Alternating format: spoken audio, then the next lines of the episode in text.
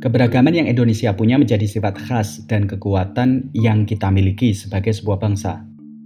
Pendidikan berbasis pluralisme menjadi salah satu garda depan demi terciptanya rasa toleransi, meningkatkan nilai-nilai toleransi di tengah keanekaragaman perbedaan.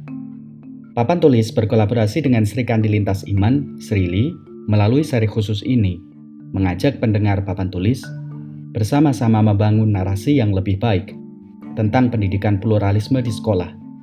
Melihat kembali konsep dasar, tantangan, potensi, peran guru, sampai peran perempuan dalam pendidikan pluralisme di sekolah.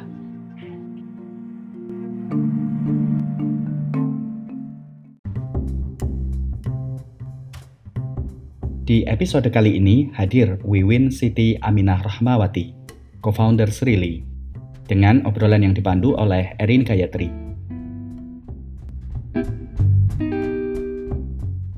Terima kasih Teh Wiwin atas kesediaan waktu dan kehadirannya di papan tulis. Mungkin kita bisa mulai dulu dengan cerita pengalaman Teh Wiwin di dunia pendidikan pluralisme atau pendidikan toleransi. Teh Wiwin mulai aktif atau melibatkan diri dalam isu pendidikan pluralisme itu kira-kira kapan ya Teh? Ya, terima kasih banyak Erin uh, dan teman-teman uh, papan tulis atas kesempatannya untuk berbagi pada uh, kali ini ya. Uh, kalau saya mulai apa terlibat dalam isu pendidikan pluralisme itu uh, sejak uh, 2002 2003 begitu. Jadi uh, 2003 itu saya uh, waktu itu sudah menjadi staff di Institut Dian Intervidei dan salah satu uh, programnya adalah uh, peningkatan kapasitas uh, guru-guru agama dalam uh, isu pluralisme dan uh, perdamaian gitu. Jadi uh, itu uh, apa? Pertama kali saya mulai terlibat uh, fokus ke uh, pendidikan ya. Iya teh, berarti sudah cukup lama ya terlibat dalam isu ini teh. Lalu sekarang Teh Wiwin juga masih aktif di Papirus dan juga sebagai co-founder Sri Kandi Lintas Iman yang programnya juga ada yang berkaitan dengan pelatihan guru. Boleh cerita sedikit teh mengenai hal itu? Oh iya. Ya, jadi eh, sebenarnya kalau Pak di Papirus ya, Papirus itu paguyuban eh, pendidik paguyuban penggerak pendidikan interreligius itu eh, sebenarnya uh, cikal bakalnya itu sudah sejak tahun 2003 2004 itu ya. Jadi di Jogja ini karena sudah dikembas sudah ada kegiatan yang diinisiasi oleh Intervide untuk bagaimana uh, guru-guru lintas iman ini ditingkatkan kapasitasnya dan mereka berjejaring uh, saling bekerja sama begitu. Nah, uh, tapi memang uh, di uh, di apa namanya di 2015 kemudian uh, apa namanya ketika itu saya sebagai konsultan sebuah lembaga dialog antar agama berbasis di Austria itu saya kemudian uh, punya program salah satunya adalah tentang pendidikan interreligius itu ya. Jadi bagaimana dialog antar agama dalam pendidikan ini bisa diperkuat. Nah kemudian uh, berkembang berkembang maka sekitar 2017 apa 2018 kalau nggak salah itu kemudian uh, apa namanya komunitas guru-guru ini yang bukan hanya guru-guru ya ya mayoritas guru-guru itu yang aktif di apa mengembangkan pendidikan interreligius ini mendirikan uh, papirus nah, jadi saya itu uh, ikut dari awal begitu ya. Uh, kemudian uh, uh, apa namanya kegiatannya ya lebih banyak memang itu uh, meningkatkan kapasitas guru itu.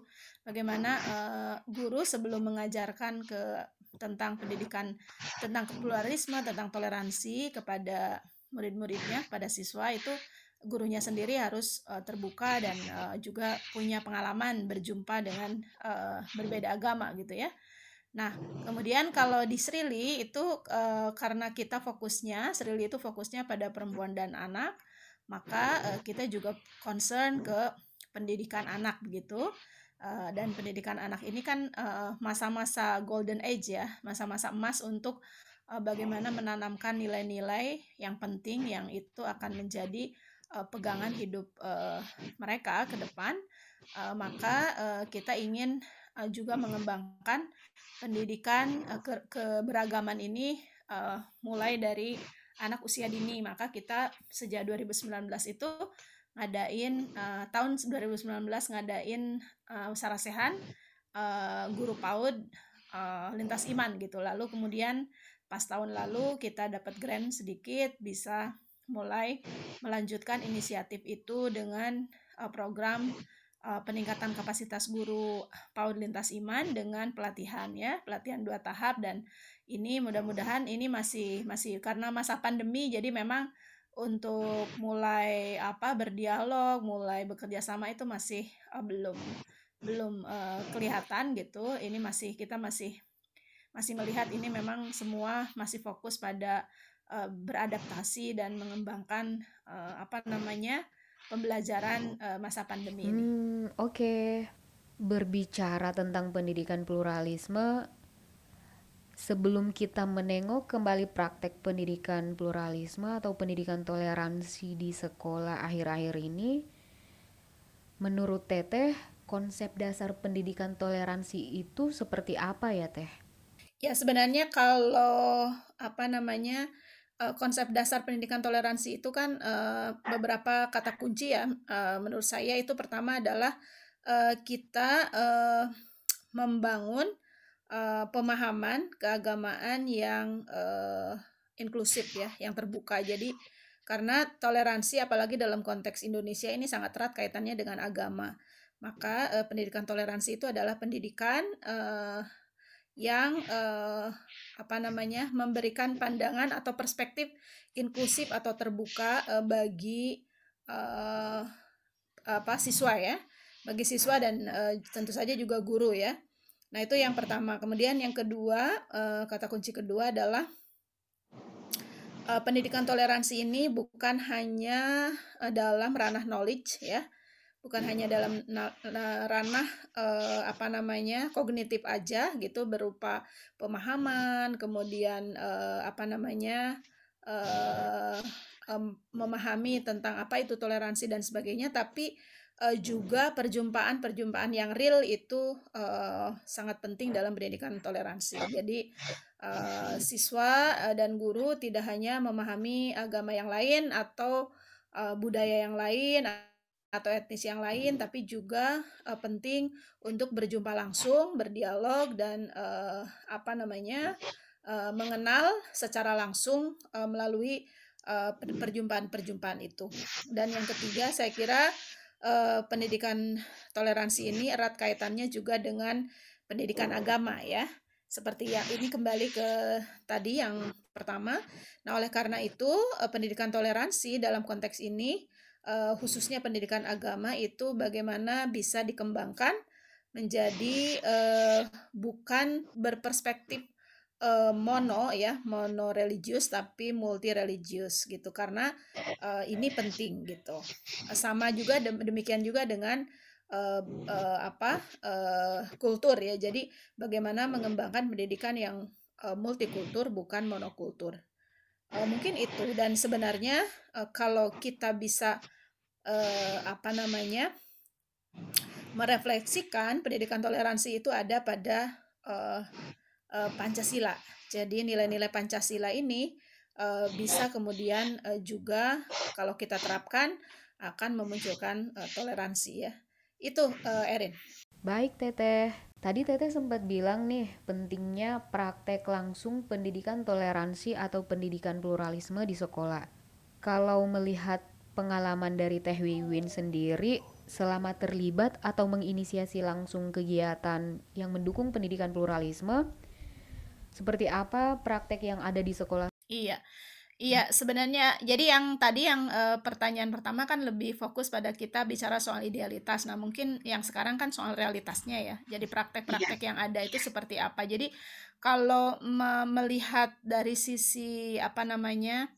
Uh, kurikulum itu kan sebenarnya uh, kurikulum uh, di uh, pendidikan di sekolah kita ya apalagi di sekolah dasar dan menengah itu masih uh, menggunakan perspektif monoreligius seperti yang saya sampaikan tadi. Jadi bagaimana uh, misalnya anak-anak apa siswa-siswa uh, beragama Islam itu mendapatkan pelajaran agama Islam saja gitu ya.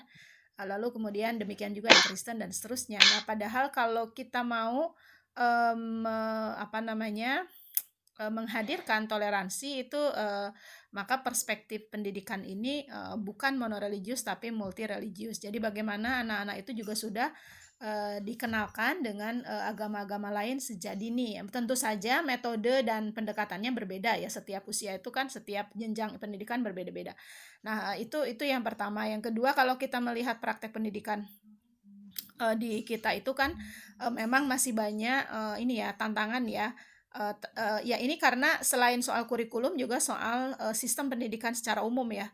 Jadi uh, bagaimana sistem pendidikan secara umum di kita itu masih uh, apa namanya uh, mementingkan uh, knowledge itu hal-hal yang sifatnya kognitif gitu. Nah, sementara uh, oleh karena itu juga dalam evaluasinya, dalam apa pengawasannya itu lebih banyak pada hal-hal uh, pada hal-hal yang terkait dengan uh, knowledge itu. Nah, padahal kalau kita ingin me, me apa namanya menanamkan nilai-nilai itu bukan hanya pengetahuan tapi uh, justru praktek-praktek yang real itu seperti yang saya sampaikan tadi bagaimana uh, perjumpaan-perjumpaan itu penting gitu ya uh, karena itu akan menyentuh langsung pada uh, semua ranah tidak hanya kognitif tapi juga uh, ranah uh, apa namanya uh, uh, apa afektif dan uh, mungkin kalau dalam ini tuh juga psikomotoriknya ya. Jadi bagaimana sesungguhnya pengalaman-pengalaman uh, yang real itu uh, akan uh, lebih me, apa namanya lebih mudah untuk menanamkan nilai-nilai pluralisme tadi ya nilai-nilai toleransi itu. Lalu uh, yang berikutnya saya kira uh, soal praktek pendidikan di Indonesia itu masih sekarang ini ya kalau kita ber, ber kalau kita ber apa namanya berbasis pada data-data hasil riset bagaimana uh, kecenderungan untuk uh, pendidikan uh, agama yang uh, ininya uh, perspektifnya radikal gitu uh, itu uh, ternyata juga ini uh, realitasnya seperti itu. Jadi praktek di sekolah-sekolah itu tidak sedikit eh tidak sedikit. Kalau kita baca dari hasil penelitiannya Wahid Foundation, kemudian uh, yang lain-lain ya, uh, PPIM termasuk gitu. Jadi yang uh, menyimpulkan bahwa misalnya uh, apa namanya guru dan siswa SMP SMA itu ternyata kalau di survei itu ada kecenderungan uh, radikal gitu ya. Nah ini uh, saya kira uh, ini juga terkait erat dengan praktek-praktek pendidikan yang saya sebutkan tadi monoreligius, kemudian uh, juga uh, lebih uh, mementingkan itu uh, apa namanya uh, knowledge-nya ya itu saya kira Erin nah uh, makanya yang dikembangkan oleh Srili ke, dan mudah-mudahan ini akan terus ya berkembang uh, dan akan terus disupport gitu ada support gitu ya uh, untuk bisa, kita bisa mengembangkan pendidikan keragaman pendidikan plural pluralisme kepada anak-anak sejak dini. Gitu. Iya teh. Nah tadi teteh sempat menyebutkan beberapa hambatan yang ada di sekolah atau tantangan praktek pendidikan pluralisme di sekolah itu seperti apa ya Teh? Uh, untuk yang soal uh, hambatan atau tantangan ya itu sebenarnya kita bisa melihat dari uh, dari uh, sisi internal maupun eksternal ya. Dari sisi internal uh, uh, termasuk di dalamnya adalah uh, dari sisi uh, pertama uh, guru ya. Karena guru ini kan menjadi kunci ya, kunci penting dalam pendidikan toleransi. Nah, uh, hambatannya atau tantangannya ya uh, guru gurunya belum tentu punya uh, perspektif inklusif dalam beragama. Itu pertama. Kemudian uh, yang yang lain juga itu uh, sebenarnya kalau kita mau uh, apa namanya uh, membangun uh, pendidikan toleransi atau pluralisme itu uh, uh, salah satu pihak yang paling penting adalah guru ya uh, guru. Jadi bagaimana uh, siswa bisa bisa terbuka kalau gurunya nggak uh, terbuka gitu. Dan bagaimana siswa bisa terbuka kalau dia tidak mendapatkan teladan dari gurunya ya. Itu uh, tantangan yang pertama. Kemudian yang kedua uh, soal uh, dari internal itu adalah uh, sekolah ya. Sekolah dalam pengertian uh, di situ bisa jadi uh, kebijakan ya. Kebijakannya sekolah itu kan ada yang negeri, ada yang swasta. Yang swasta pun ada yang berbasis sekolah-sekolah keagamaan, yayasan-yayasan keagamaan, yayasan-yayasan uh, uh, Islam, yayasan Kristen, Katolik dan sebagainya. Nah ini uh, uh, ini terkait dengan uh, tantangan dalam kebijakan. Jadi uh, meskipun misalnya gurunya itu sudah uh, punya pandangan yang inklusif dan dia punya pengalaman uh, berjejaring, bergaul, berjumpa dengan guru-guru lintas agama. Tapi kalau pihak sekolahnya secara kebijakannya tidak memberikan uh, uh, ruang bagi guru itu untuk menerapkan pengetahuan dan pengalamannya kepada siswa-siswanya, maka itu juga uh, akan terhambat gitu ya. Itu. Kemudian yang berikutnya yang tidak kalah penting juga adalah kepala sekolah. Jadi kalau misalnya sekolah-sekolah ini di bawah yayasan kan memang yayasan ini uh, punya kebijakan kebijakan tertentu ya terkait dengan uh, kurikulum, metodologi dan sebagainya. Nah, tapi juga uh, kepala sekolah juga punya peran yang besar di situ.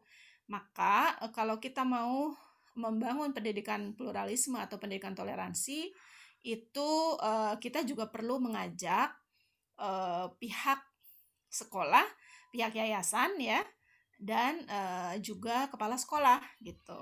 Jadi uh, semuanya itu bagaimana uh, uh, apa namanya kepala sekolah ini juga penting uh, menjadi apa namanya um, uh, apa uh, mempunyai peran penting dalam uh, pendidikan toleransi ini. Nah ini yang di internal. Kemudian yang uh, berikutnya yang di internal itu sebenarnya ada satu lagi yaitu uh, lingkungan, uh, komite, komite bukan lingkungan, komite.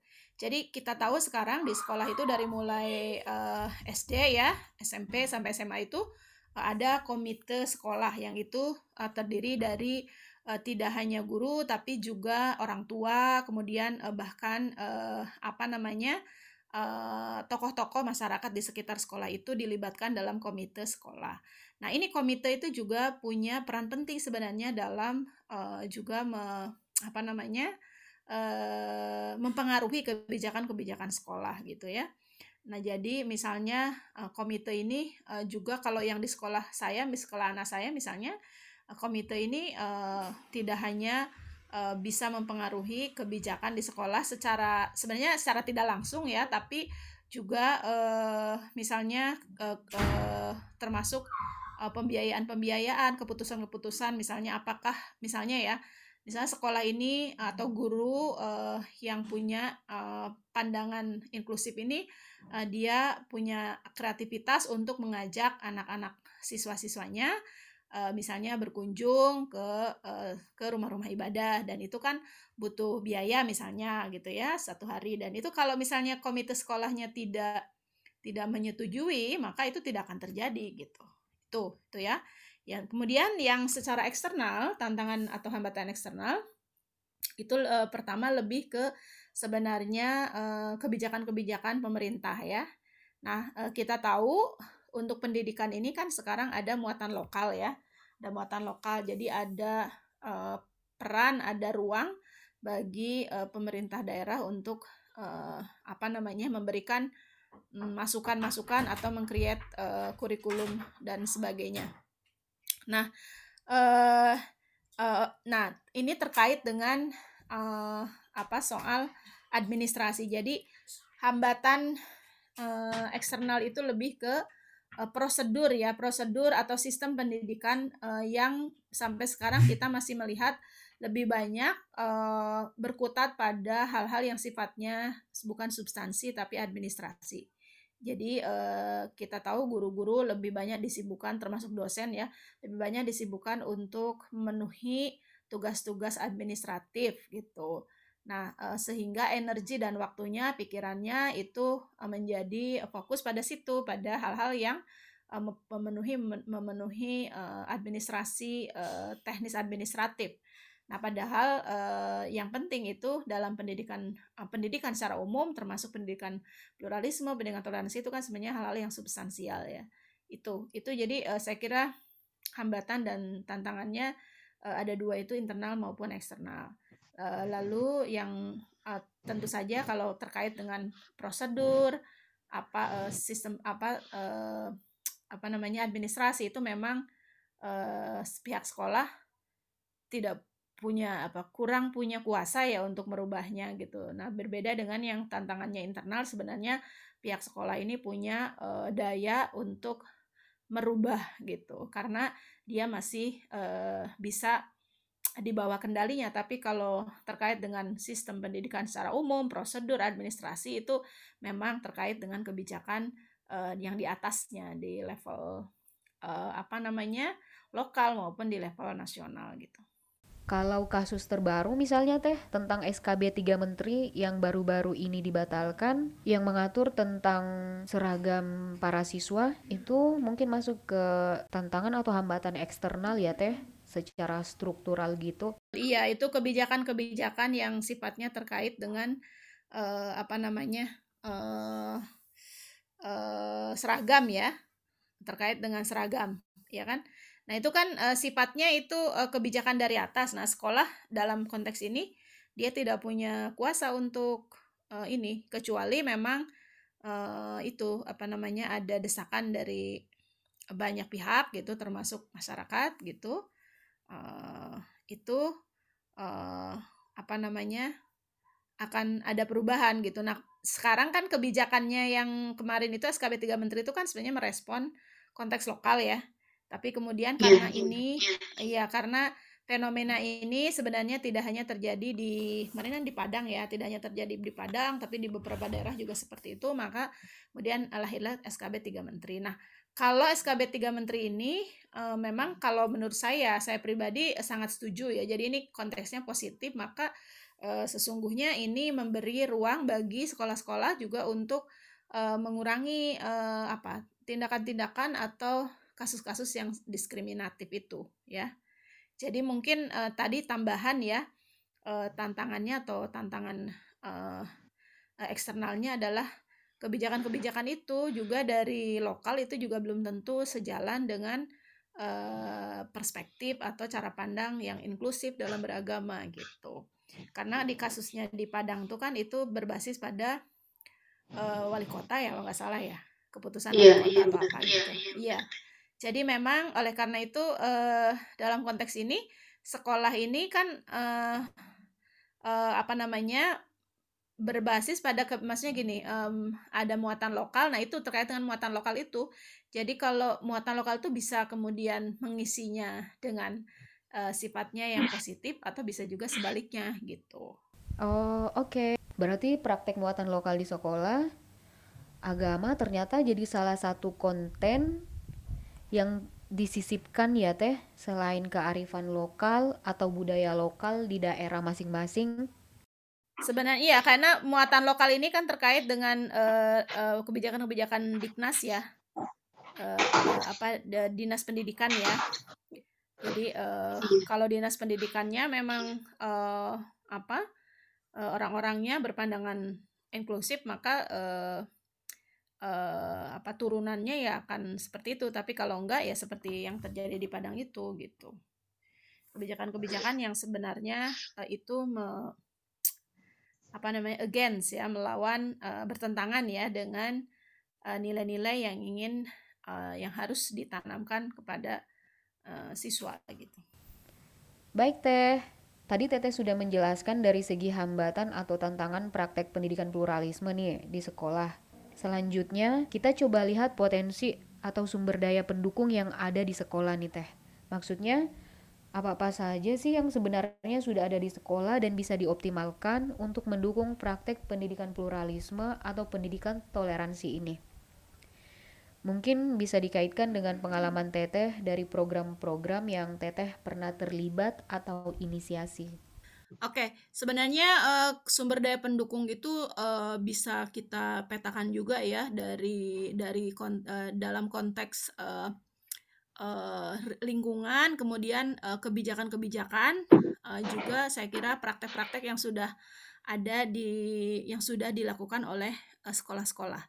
Nah, uh, pertama saya kira uh, ini ya, kalau kita melihat uh, pendukungnya itu adalah uh, masyarakat Indonesia itu sangat heterogen, sangat plural ya. Uh, maka uh, sebenarnya ini menjadi modal.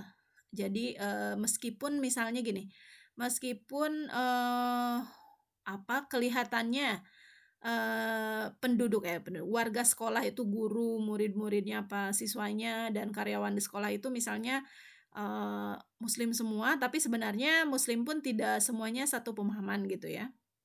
Ya, jadi pluralitas heterogenitas warga sekolah itu uh, warga sekolah itu saya maksud adalah itu tadi ya uh, guru, kepala sekolah, uh, siswa dan uh, karyawan di sekolah itu heterogen. Heterogen dari sisi terutama uh, uh, kalau negeri itu ya bisa dari sisi agama, etnis gitu ya dan budaya. Nah, meskipun uh, misalnya di pesantren sekalipun kan uh, meskipun itu muslim semua tapi sebenarnya heterogenitas dari sisi etnis, dari sisi budaya itu ada gitu. Nah, ini uh, saya kira bisa menjadi pendukung untuk uh, kita membangun pendidikan toleransi, pendidikan pluralisme. Terus yang berikutnya uh, daya duk, uh, apa sumber daya pendukung yang lain Sebenarnya uh, kalau kita merefer pada konsep terbaru dari Kemendiknas ya, Kemendikbud sekarang kan Kemendikbud Ristek ya. Hmm. Itu kan kon, uh, apa dengan uh, apa metode bukan metode dengan uh, konsep merdeka belajar ya. Merdeka belajar ini saya kira menjadi modal bisa menjadi daya dukung daya pendukung untuk uh, membangun pendidikan pluralisme atau pendidikan toleransi. Nah, uh, kita tahu konsep merdeka belajar ini kan ada dua kunci ya. Itu kan be, berasal dari nilai-nilai uh, yang diajarkan oleh Ki Hajar Dewantoro seperti yang disampaikan oleh Mas Menteri ya, Mas Menteri. Uh, iya benar, Mas Menteri uh, Nadim ya. Pak Nadim itu adalah dua yaitu kemerdekaan dan kemandirian ya dua kata kunci itu bagi lingkungan pendidikan untuk menentukan sendiri cara terbaik dalam proses pembelajaran. Nah ini uh, konsep merdeka belajar ini bisa uh, betul-betul bisa memberi ruang bagi uh, sekolah, bagi guru untuk uh, kreatif dalam uh, menyampaikan atau menanamkan nilai-nilai uh, yang ingin uh, ditanamkan kepada siswa gitu. Nah, saya kira ini uh, modal atau daya dukung yang uh, bisa kita sebut sebagai uh, apa? Bisa kita masukkan sebagai modal penting dalam uh, kalau kita mau membangun pendidikan toleransi. Lalu yang uh, berikutnya uh, ada juga uh, yang saya tahu itu profil pelajar Pancasila. Jadi uh, di Kementerian Pendidikan uh, apa dan kebudayaan ya Kemendikbud Kemendikbud Ristek Dikti itu uh, ada uh, pusat uh, pendidikan karakter ya. Uh, apa namanya itu ada direkturnya. Jadi uh, pusat pendidikan karakter ini salah satu uh, inisiatif yang sebenarnya ini sudah sejak tahun berapa ya? Mungkin sejak sejak 2-3 tahun ini mulai dikembangkan ya, profil pelajar Pancasila. Nah, saya seperti yang saya sebutkan tadi, pendidikan pluralisme, pendidikan toleransi itu kan sebenarnya eh, apa eh, juga terkandung dalam Pancasila. Maka ketika kita bicara profil pelajar Pancasila ada beberapa eh, aspek ya. Eh, ada beberapa aspek apa ya penting dalam pelajar Pancasila ini. Ada lima kalau nggak salah. Sebentar, ada enam ya. Pertama misalnya beriman, bertakwa kepada Tuhan Yang Maha Esa dan berakhlak mulia. Kemudian yang kedua ber berkebinekaan global, bergotong royong, kreatif, bernalar bernalar kritis dan mandiri. Nah ini uh, saya kira uh, lima hal ini, enam hal ini ini uh, ini uh, menjadi kunci untuk uh, membangun pendidikan uh, atau membangun toleransi dan uh, apa nilai-nilai uh, penting, nilai-nilai uh, yang perlu ditanamkan pada siswa gitu, ya. Nah nanti mungkin uh, lebih jauh, misalnya kalau kita melihat uh, bagaimana salah satu nilainya adalah ber apa ini tadi berkebinekaan global ya. Nah berkebinekaan global ini uh, salah satu kuncinya adalah misalnya mengenal dan menghargai budaya. Jadi mengharga, mengha, mengenal budaya yang lain uh, termasuk juga di sana mestinya agama lain dan uh, juga uh, menghargainya. Gitu ya. Kemudian uh, misalnya berikutnya bernalar kritis. Nah, bernalar kritis itu ada beberapa elemen salah satunya adalah bagaimana uh, apa namanya bisa uh, apa mem, apa namanya uh, bisa meng, mengenal menganalisis ya menganalisis atau uh, penalaran penalaran kritis nah dalam kita uh, dalam pendidikan toleransi itu kan uh, berpikir bernalar kritis ini penting gitu. Uh, karena ini terkait misalnya dengan uh, hoax dengan apa uh, head speech ya dengan apa namanya ujaran-ujaran kebencian dan sebagainya. Nah kalau kalau siswa uh, sudah punya daya nalar kritis yang bagus, maka dia tidak akan uh, mudah untuk uh, apa namanya uh, di apa ya namanya ditanamkan nilai-nilai yang uh, itu tadi atau kalau tidak mudah menerima begitu saja informasi-informasi yang uh, hoax yang apa yang mengandung dan mengandung ujaran kebencian gitu karena nanti nalarnya akan bekerja gitu. Uh, saya kira itu Erin. Jadi uh, apa uh, ada banyak sebenarnya uh, dukungan-dukungan apa daya dukung tadi pendukung yang sudah dimiliki oleh sekolah. Jadi termasuk di dalamnya dari sisi uh, lingkungan, dari sisi warga sekolah sendiri, dari sisi kebijakan-kebijakan yang uh, diterapkan oleh uh, pemerintah ya. Nah, tapi satu hal lagi menurut saya yang paling penting dari daya pendukung di sekolah ini selain itu tadi yang saya sebutkan adalah uh, sudah ada sebenarnya sudah bukan sudah ada banyak uh, guru dan sekolah yang itu tadi yang punya uh, gurunya sudah punya pandangan sudah punya perspektif uh, inklusif yang uh, punya pengalaman dan relasi dan jejaring dengan uh, yang beragam gitu ya. Lalu juga sekolah-sekolah juga sudah mulai uh, banyak menerapkan uh, apa namanya metodologi pendidikan yang pluralis itu ya uh, bahkan misalnya uh, institusi seperti Katolik itu juga pernah punya namanya pendidikan apa? Bukan interreligius religiusitas pendidikan religiusitas ya. Itu sebenarnya uh, ininya kontennya mirip-mirip dengan pendidikan interreligius gitu. Nah, jadi menurut saya ini modal yang sudah ada, jadi sekolah-sekolah, guru-guru yang sudah terbuka, yang sudah punya pengalaman dan mereka sudah itu tadi yang saya sebutkan, bisa kemudian ini diperbanyak gitu, bisa menjadi model-model ya. Baik itu sekolah maupun guru bisa menjadi model, bisa menjadi teladan yang itu bisa direplik uh, di mana-mana gitu. Gitu. Jadi uh, menurut saya modal yang uh, dukung yang utama itu adalah justru sudah banyak gitu. Cuman memang uh, belum masif ya, belum menja belum masif. Karena itu perlu uh, kita dukung, perlu kita kembangkan uh, dan uh, perlu kita munculkan ke publik terkait dengan guru-guru yang sudah apa punya pengalaman itu yang bisa menjadi teladan dan bisa menginspirasi guru-guru yang lain. Demikian juga sekolah yang sudah mempraktekkan bisa kemudian menjadi inspirasi bagi sekolah lain dan bisa direplikasi dan ini seharusnya pemerintah mendukungnya gitu dengan uh, uh, dengan menjadikan sekolah dan guru ini uh, teladan yang yang yang itu tuh uh, apa namanya uh, bisa dibaca oleh uh, apa guru-guru dan sekolah-sekolah itu Erin Terima kasih Tete atas sharingnya. Semoga obrolan ini bisa memberikan insight baru yang bisa digunakan untuk mengoptimalkan praktek pendidikan pluralisme di sekolah-sekolah luar sana.